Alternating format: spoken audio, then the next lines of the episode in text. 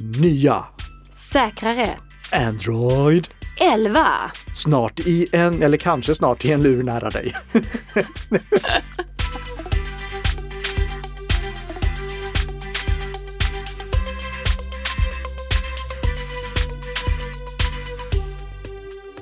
God morgon Nika! God morgon, god morgon Tess. Det var nog den flummigaste inledningen vi har haft hittills. Ja, vi skulle synkat den lite bättre, men jag kommer att tänka på den statistik som vi kommer presentera.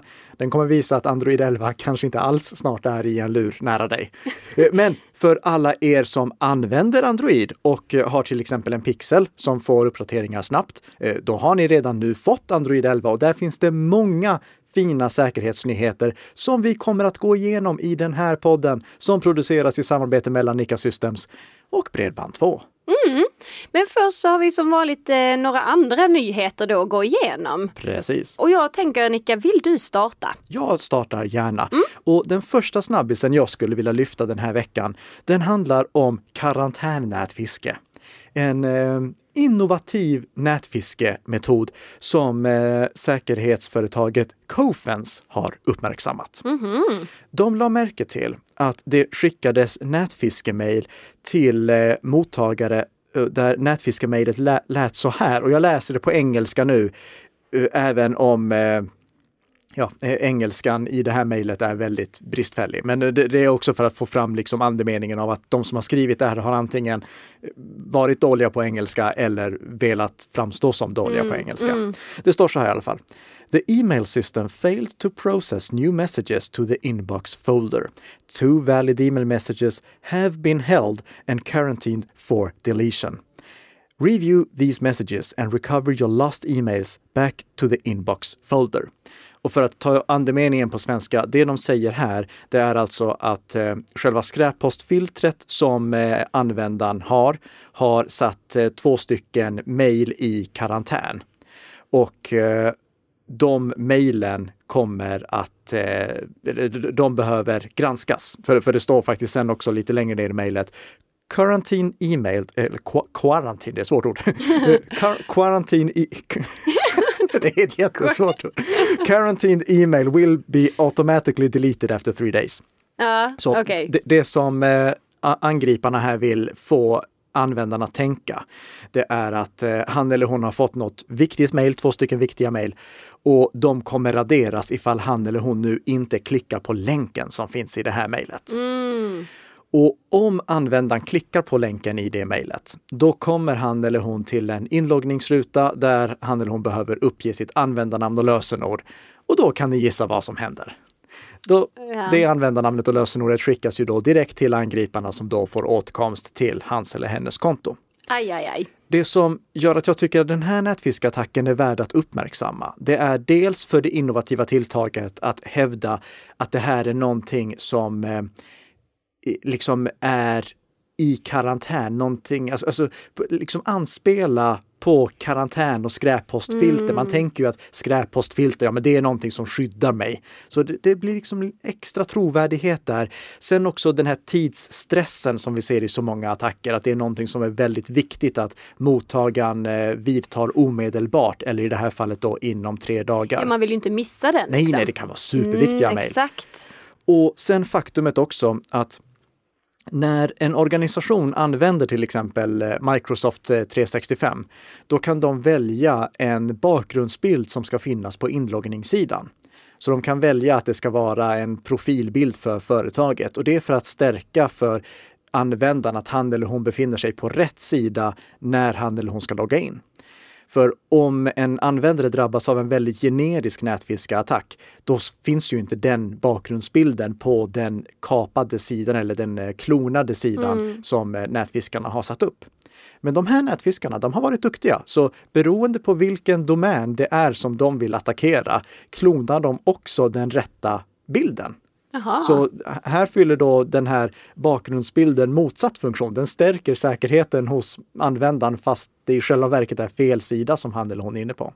Oj då. Ja. Och det som användare bör göra av den här anledningen, det är såklart att eh, vara uppmärksam på nätfiskemail. Alltid kolla vart länkar går, helst inte klicka på länkar.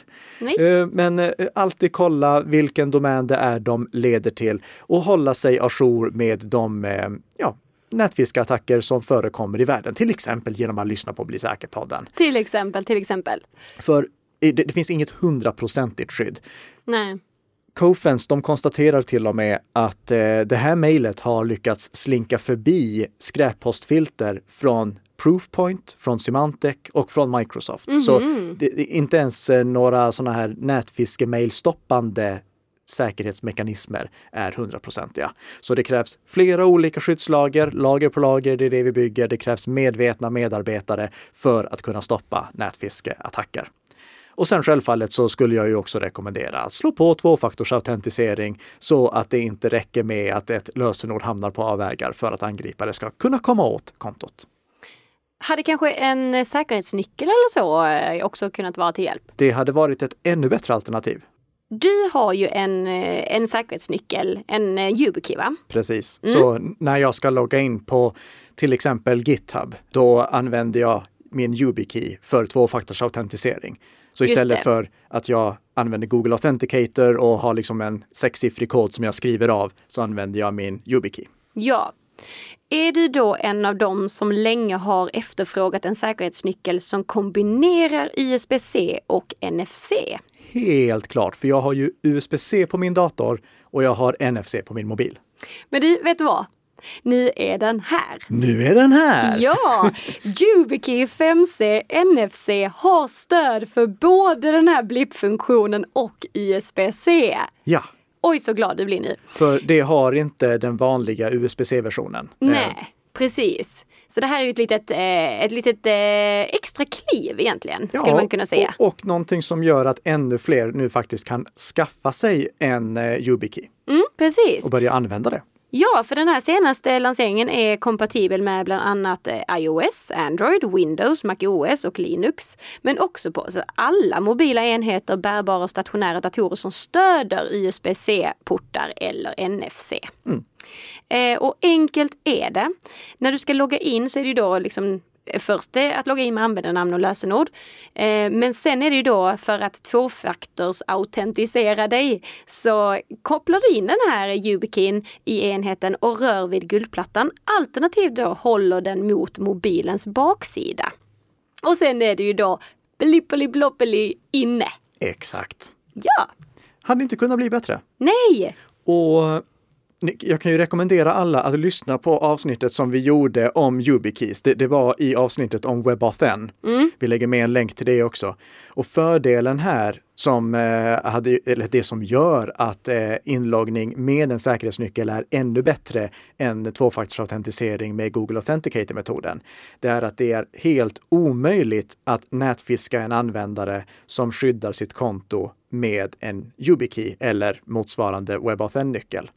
För om, om vi säger att vi, vi, vi kan först och främst säga, om vi tänker tillbaka på den här attacken som Cofens rapporterade om. ja, Om angriparna där hade försökt att attackera en medarbetare som hade någon form av tvåfaktorsautentisering påslaget för sitt konto, då hade de troligtvis inte lyckats. För om eh, de får användarens användarnamn och lösenord, då kan de inte logga in för de har inte den rätta sexsiffriga koden just det. utan då måste de i så fall lura användaren att också läcka den. Och eftersom den bara är giltig i 30 sekunder, lite före, lite efter 30 sekunder, så ka- kanske upp mot en minut, så är det väldigt Alltså, om de ska utföra en sån attack, då måste de liksom sitta och vara på hugget så att de kan kopiera det som de får från användaren och klistra in det på den riktiga sidan. Så sannolikheten är kanske inte jättestor. Nej, det, det, det- skyddar väldigt bra. Men vill man skydda helt och hållet, då tar man och använder en sån här YubiKey. För den kan inte spoofas. Den kopplas till domänen som inloggningen sker på. Så det går inte att eh,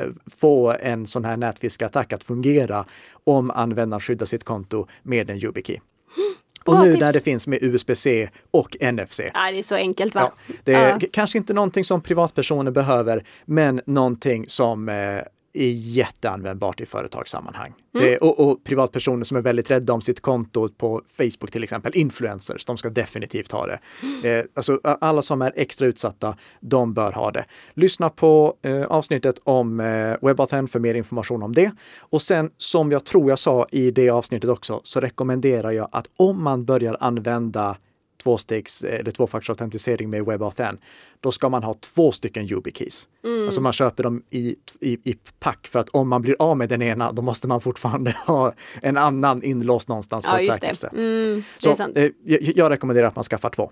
Mm. Och det var lite gratis reklam som eh, YubiKey fick där. Verkligen, Ja, wow! men, men så är det ju. Och, Ja. och, alltså, varken eh, Nika Systems eller Bredband2 har någon koppling till YubiKey. Men om man gör väldigt bra produkter, då får man gratis reklam här i Mm. Ja, podden. det får man faktiskt. Det är sant.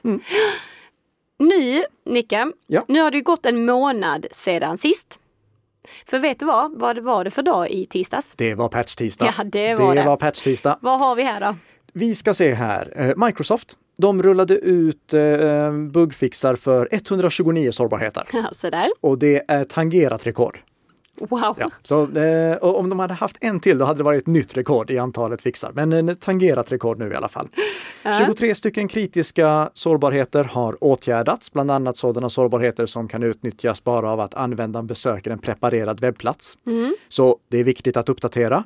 Lyckligtvis fanns det den här månaden inga nolldagars sårbarheter, alltså sårbarheter som används i attacker innan Microsoft har släppt uppdateringarna till det.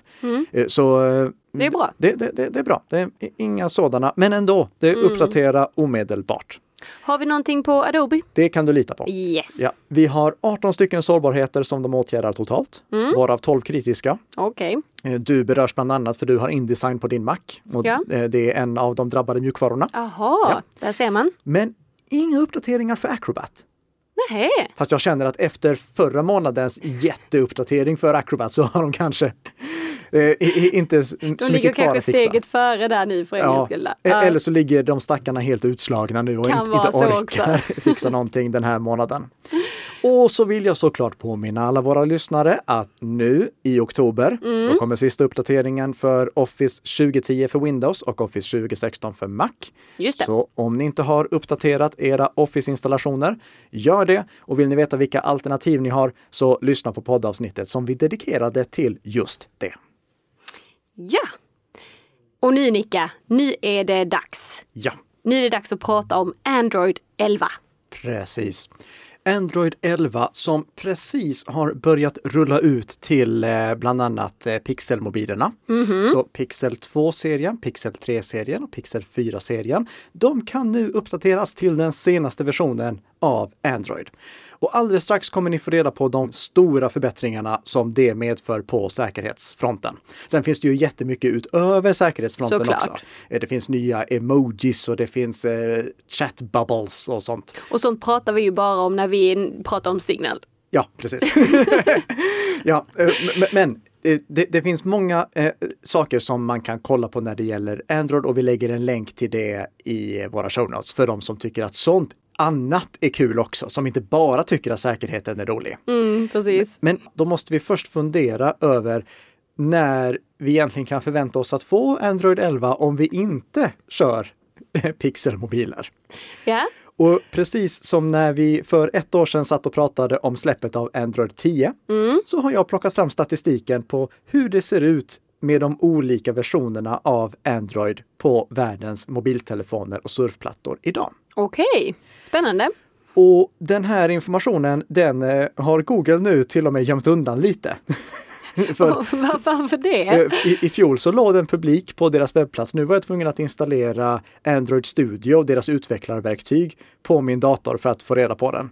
Men, men okej, ja, nej det låter ju skumt. Ja, och om du lyssnar på de här siffrorna så förstår du nog varför de har Okej. gömt undan den. Okej.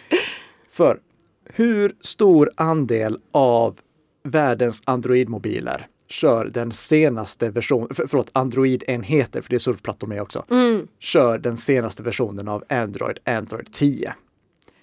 8 procent. Nej, Jo, nej. jo, Åtta? 8 procent. Oj, oj, oj vad få. Om vi jämför det med iOS, hur många kör den senaste versionen av iOS? Eller hur många mobiler kör den senaste versionen av iOS? 81 procent. Aj, det ja. Ja. Så här ser vi att Google har haft problem med att få ut Android till alla enheter eller få ut nya versioner av Android till alla enheter. Och det är ju för att de har det här mellanliggande lagret med mobiltelefontillverkarna som har gjort sådana anpassningar av Android-operativsystemet att det tar tid för dem att eh, uppdatera allting för sina mobiltelefoner. Och mitt förslag är ju då ge blanka FN i att göra ändringar. Men det, av någon anledning så tycker mobiltillverkarna att det är bra att eh, profilera sig genom att göra anpassningar. Hur som helst. Eh, Det här är anmärkningsvärt. Eh, Det är faktiskt så att om vi kollar på de tre senaste versionerna av Android, Android 10, 9 och 8, då är det 61 procent av världens Android-mobiler som kör dem. Och anledningen till att det är värt att kolla på dem specifikt, det är att Android 7 och tidigare får inte ens längre säkerhetsuppdateringar Ja, från Google. det. Det är alltså inte bara så att om man kör en äldre version än Android 8, då är det inte bara mobiltelefontillverkaren som inte släpper uppdateringar, utan Mm. Google släpper inte till uppdateringar till mobiltelefontillverkaren som mobiltelefontillverkaren kan släppa vidare. Ja, just det. Ja. Ja, men det är ju problematiskt. Så det är en, eh, en salig soppa nu. Om vi kollar hur många iPhones som kör icke underhållna versioner av iOS Mm. så är det 6 procent. Ja, Det låter ju lite bättre i alla fall. Ja. Ja. Så 39 procent på Android som kör icke underhållet och 6 procent på iPhone. Mm. Dessutom, bara för att göra det här ytterligare lite värre, Google brukar ju bara underhålla de tre senaste versionerna av Android. Och om de fortsätter göra det, då kommer de ju nu i höst att sluta stödja Android 8. Och det är det 21 procent av världens Android-enheter som kör, så då är det en femtedel till som åker bort där. Oj. Sen kan vi trösta oss med två saker. För det första så är eh, eh, i Sverige så kan vi anta ja, det, det är så. I, I Sverige så är det fler som kör moderna versioner av Android. För i länder där, som är lite rikare, där byter folk oftare mobiler och väljer premiummobiler som underhålls bättre av tillverkarna. Så i- i Sverige är det troligtvis bättre än de siffrorna som jag presenterar nu. Den andra glada nyheten, det är att det här är faktiskt bättre än vad jag hade väntat mig. Nej, är det sant? Det, det, det, är är, tragiskt att, att jag hade förväntat mig bättre. Ja. Men faktum är, jag, jag trodde det skulle se ännu sämre ut. Det verkar alltså som att Google Project Treble, som vi pratade om för länge sedan, Mm. har börjat ge lite resultat. Project Treble är det som separerar själva Android-delen som är relaterad till hårdvaran från det som är bara operativsystemet för att göra det lättare för mobiltillverkarna att underhålla sina mobiler. Okej. Och Google, de eh, skrev själva att Android 9 anammades två och en halv gånger snabbare än tidigare versioner av Android. Så det, det, Baby steps, ja, baby det- steps. Det är några steg framåt.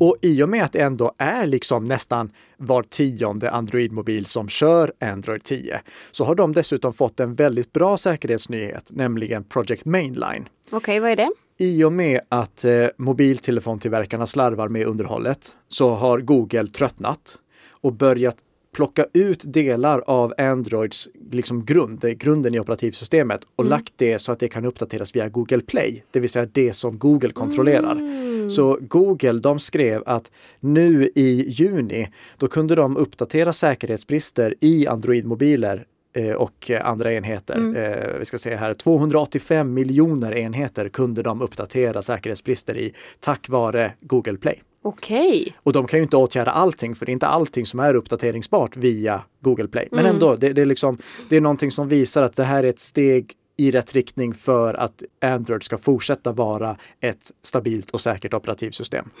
Sen är det tråkigt att det är någonting som Google måste göra för att det här ska fungera överhuvudtaget. Såklart. Men eh, hur som helst, det är så landet ligger. Och om du har eh, en Pixelmobil eller om du har några utvalda OnePlus, Xiaomi, Oppo eller Realme-mobiler, då är Android 11 tillgängligt nu. Och Android 11 fortsätter den här inslagna vägen och gör mobilen säkrare. Så vad har vi nu här då för nyheter på gång? Ja, den första nyheten är också den största nyheten. Och det är att sättet som appar beviljas rättigheter förbättras. För när, eh, när vi pratade om nyheterna i Android 10 i fjol, då pratade vi om att nu så kunde en eh, mobiltelefon, eh, nu, nu kunde en app beviljas rättigheter bara när den var eh, uppe på skärmen, inte i bakgrunden. Mm. Nu tar Google det här ytterligare ett steg. Så när en app vill ha åtkomst till platsen, mikrofonen eller kameran, det vill säga tre stycken väldigt integritetsfokuserade rättigheter, Mm. då kan användaren välja att bara ge åtkomst vid det här specifika tillfället. Så att om appen vill ha den rättigheten igen, då måste den fråga på nytt. Okej. Och det är liksom eh, det, det, det är ett bra steg eh, i, i rätt riktning det också. Eh, så att man inte liksom ger appar permanent rättighet att komma åt någonting. Nej men precis. Och med plats så har Google dessutom gjort så att om en, eh, om en app vill ha permanent åtkomst till platsen som användaren befinner sig på, då måste användaren först godkänna det genom den här vanliga dialogrutan som dyker upp. Men där kan användaren inte säga ge åtkomst permanent, utan i så fall måste användaren gå in i inställningar manuellt och välja det där. Aha. Så Google, de tar inte bort funktionen, men de gömmer undan den lite så att man inte klickar bara godkänna av misstag Mm. Nej, eller ge, precis. ge åtkomst. För du, du vet ju själv hur det är när det kommer massor dialogrutor. Vill Oh, du ge ja. åtkomst till det här? Vill du ge åtkomst till det här? Absolut, det går ju per ren automatik liksom. Ja. Så det har de gömt undan där. Det kommer säkert orsaka en hel del problem, men så är det ju när vi uppdaterar operativsystem. Dessutom så har Google lanserat en riktigt smart funktion här tycker jag. Lå- Låt oss ta plats som exempel igen. Du har ju säkert en hel del apps på din mobil, massa appar. Massa tuffa appar. Nej men jo, men jag har väl en hel del, det skulle jag säga. Ja. Fler, fler apps än abs. Eh, ja, jo. Och, och sen, jag skäms ju lite här också för att innan vi gick här in och spelade in så upptäckte vi att jag hade fler appar på min mobil än vad Tess hade. Jag, tror- jag tror faktiskt du har dubbelt så många faktiskt Nika. Mm, ja. Det, ehm, så ja, jag, jag, jag skäms lite där, för min rekommendation överlag är ju att hålla nere antalet appar så mycket som möjligt. Men, men jag har faktiskt varit väldigt restriktiv med vilka appar jag har installerat också. Och eh, hur som helst, jag vet att det är många som slarvar med att eh, de lämnar kvar gamla appar. Alltså man, avinstallerar inte appar utan man slutar bara använda dem. För det, det är ju ingenting man tänker på att man plötsligt inte använder en app längre utan en vacker dag så har den bara legat oanvänd i ett år utan Precis. att man, man har rört den. Och det som Google gör nu, det är att i Android 11 så kan en app då bege rättigheten att komma åt eh, till exempel platsen. Men efter ett tag, om Google märker eller Android märker att appen inte har använts på tre månader till exempel, då plockar den bort den rättigheten så att appen måste begära det på nytt. Aha, Den vad smart. funktionen, ja, eh, den funktionen känns jättesmart. Den borde Apple stjäla rakt upp och ner. Så att Verkligen. om appen inte används, då försvinner rättigheterna. Wow. Jag kan också tänka mig att det kommer orsaka massa problem, så vi får se vad- som händer. Men många bra förbättringar på rättighetsfronten och det är bara den första fördelen. Okej, vad är den andra då? Den andra fördelen det är att nu kan appar välja hur pass bra biometrisk autentisering de ska kräva. Okej. Det där var ett väldigt krångligt sätt att säga, det inser jag. Biometrisk autentisering. Nej, men du, du- du vet, eh, du, du, på, på iPhone, d- där har du Touch ID eller du har Face ID. Båda de två sätten att låsa upp mobilen och autentisera sig i, för, i appar eller legitimera sig i appar, eh, de är, de är bra. Det, de, de är eh, säkra.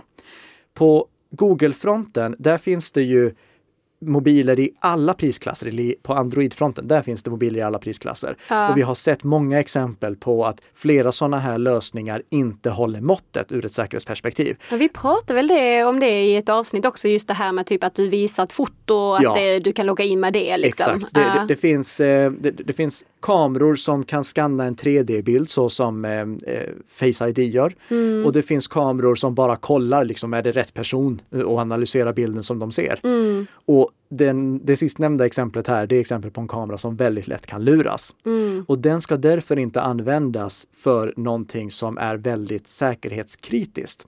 Och nu kan Android-utvecklare välja hur pass bra, hur pass säker biometrisk lösning som de kräver att mobilen har eller att användaren nyttjar om mobilen har flera olika. Det gör att en mobil som har till exempel en sån här simpel kamera som bara kollar om det är rätt person, sånt som man kan lura med en bild.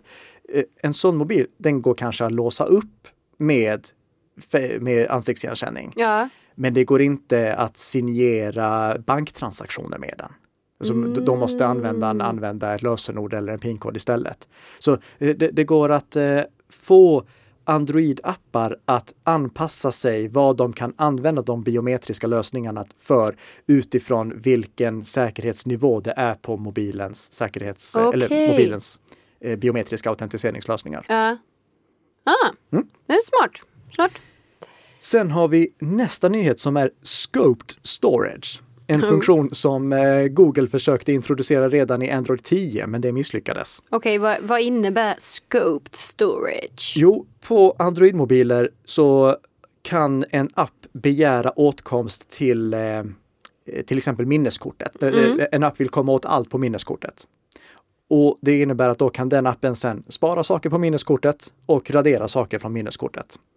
Om du installerar ytterligare en app, då kan den också begära åtkomst till precis samma sak. Då kan båda apparna skriva och läsa från minneskortet. Mm, det är sant. Och om du skulle installera en infekterad app så inser du att okej, det, det, det är inte bra att apparna får göra det. Nej, absolut inte. För då kan de ju komma åt ä, alltså känslig information som andra appar har lagrat på minneskortet. Låt oss säga att du har gjort en inspelning med en diktafon, en diktafonapp. Och så har den lagrat den informationen på minneskortet. Då kan en annan app komma åt de inspelningarna. Inte jättesnyggt. Så detta är någonting som eh, begränsas då eller? Ja, för med Scoped Storage, då får apparna inte bara varsin egen mapp som inte någon annan app kan komma åt, utan också en egen del av systemet som de kan spara sina filer i. Så dels så kommer det finnas lite överlag öppna ställen att spara filer, till exempel musikmappen, filmmappen, bildmappen och eh, nedladdningar-mappen. Men alla appar som då använder Scoped Storage, de får också sin egen lilla del som inte andra appar kan komma åt. Och det gör att risken för att en infekterad app i framtiden kommer kunna stjäla information från andra appar, den minimeras. Mm, Okej. Sen ska man ju komma ihåg att det här låter som någonting som är konstigt att inte Android har haft tidigare. Men om vi kollar på Windows och MacOS så, så finns det överhuvudtaget inte där. Nej. På datorn så kan ju en app vi installerar komma åt i princip vad den vill. Mm. Det är, det, på Mm. MacOS har det faktiskt börjat låsas ner också. Men eh, det, det är ändå mycket friare där. Så eh, ett steg i rätt riktning. Det här kommer inte vara någonting som är helt revolutionerande från dag ett i och med att apparna måste uppdateras för att använda det här. Och Google måste börja kräva att de använder den här lösningen. Och om vi kollar på hur det ser ut historiskt sett för hur snabbt Google kräver nya saker så kommer det troligtvis inte vara förrän nästa höst som Google börjar kräva att uppdateringar som publiceras i Google Play följer det här. Okej. Ja. Så den eh, fjärde nyheten då? Det är att ytterligare saker playifieras i Android. Ooh. Och eh, du, du minns det här jag nämnde om Project Mainline, att eh, Google plockar ut delar ur Android så att de kan uppdateras separat. Just det. Ja, det eh, fortsätter nu i Android 11, så nu kan ytterligare nio stycken operativsystemskomponenter uppdateras av Google utan att involvera tillverkaren. Så 21 stycken saker nu. Och ju fler sådana här saker som Google kan uppdatera själva, desto färre eller desto mindre blir risken att sårbarheter ligger kvar på mobilerna på grund av att, operativsys- eh, på grund av att mobiltelefontillverkarna slarvar. Smart. Och det, mina damer och herrar, det är skäl nog att vilja uppdatera till Android 11. Wow. Så- jo men det låter bra i alla Ja, fall. det är det. Ja. Så eh, hör med era mobiltelefontillverkare, ligg på dem och eh, visa att ni gärna vill ha de nya säkerhetsfunktionerna, de nya bättre eh, funktionerna som finns i Android 11. Mm. Och där tror jag tiden är slut. Alltså tiden springer iväg. Tiden springer iväg, ja. Det, det gör den sannerligen. Ja. Vi, har en lyssnarfråga som eh, Staffan väntar på att få svar här, men jag får ta och mejla honom ett svar på det och så tar vi och svarar i eh, poddsammanhang i nästa veckas podd. För då är vi tillbaka! Men det är vi! Ja, precis som vilken vecka som helst. Varje fredagsmorgon, då är ju jag och Tess här för att underhålla dig på vägen till jobbet eller vad du nu är. Det kanske sitter och äter frukost, vad vet jag. Oavsett vad ska du ha stort tack för att du lyssnar på Bli säker-podden och för att du tipsar dina vänner om att också göra det så att de blir lite säkrare för varje vecka som går. Ja, på återhörande. Trevlig helg! Ah.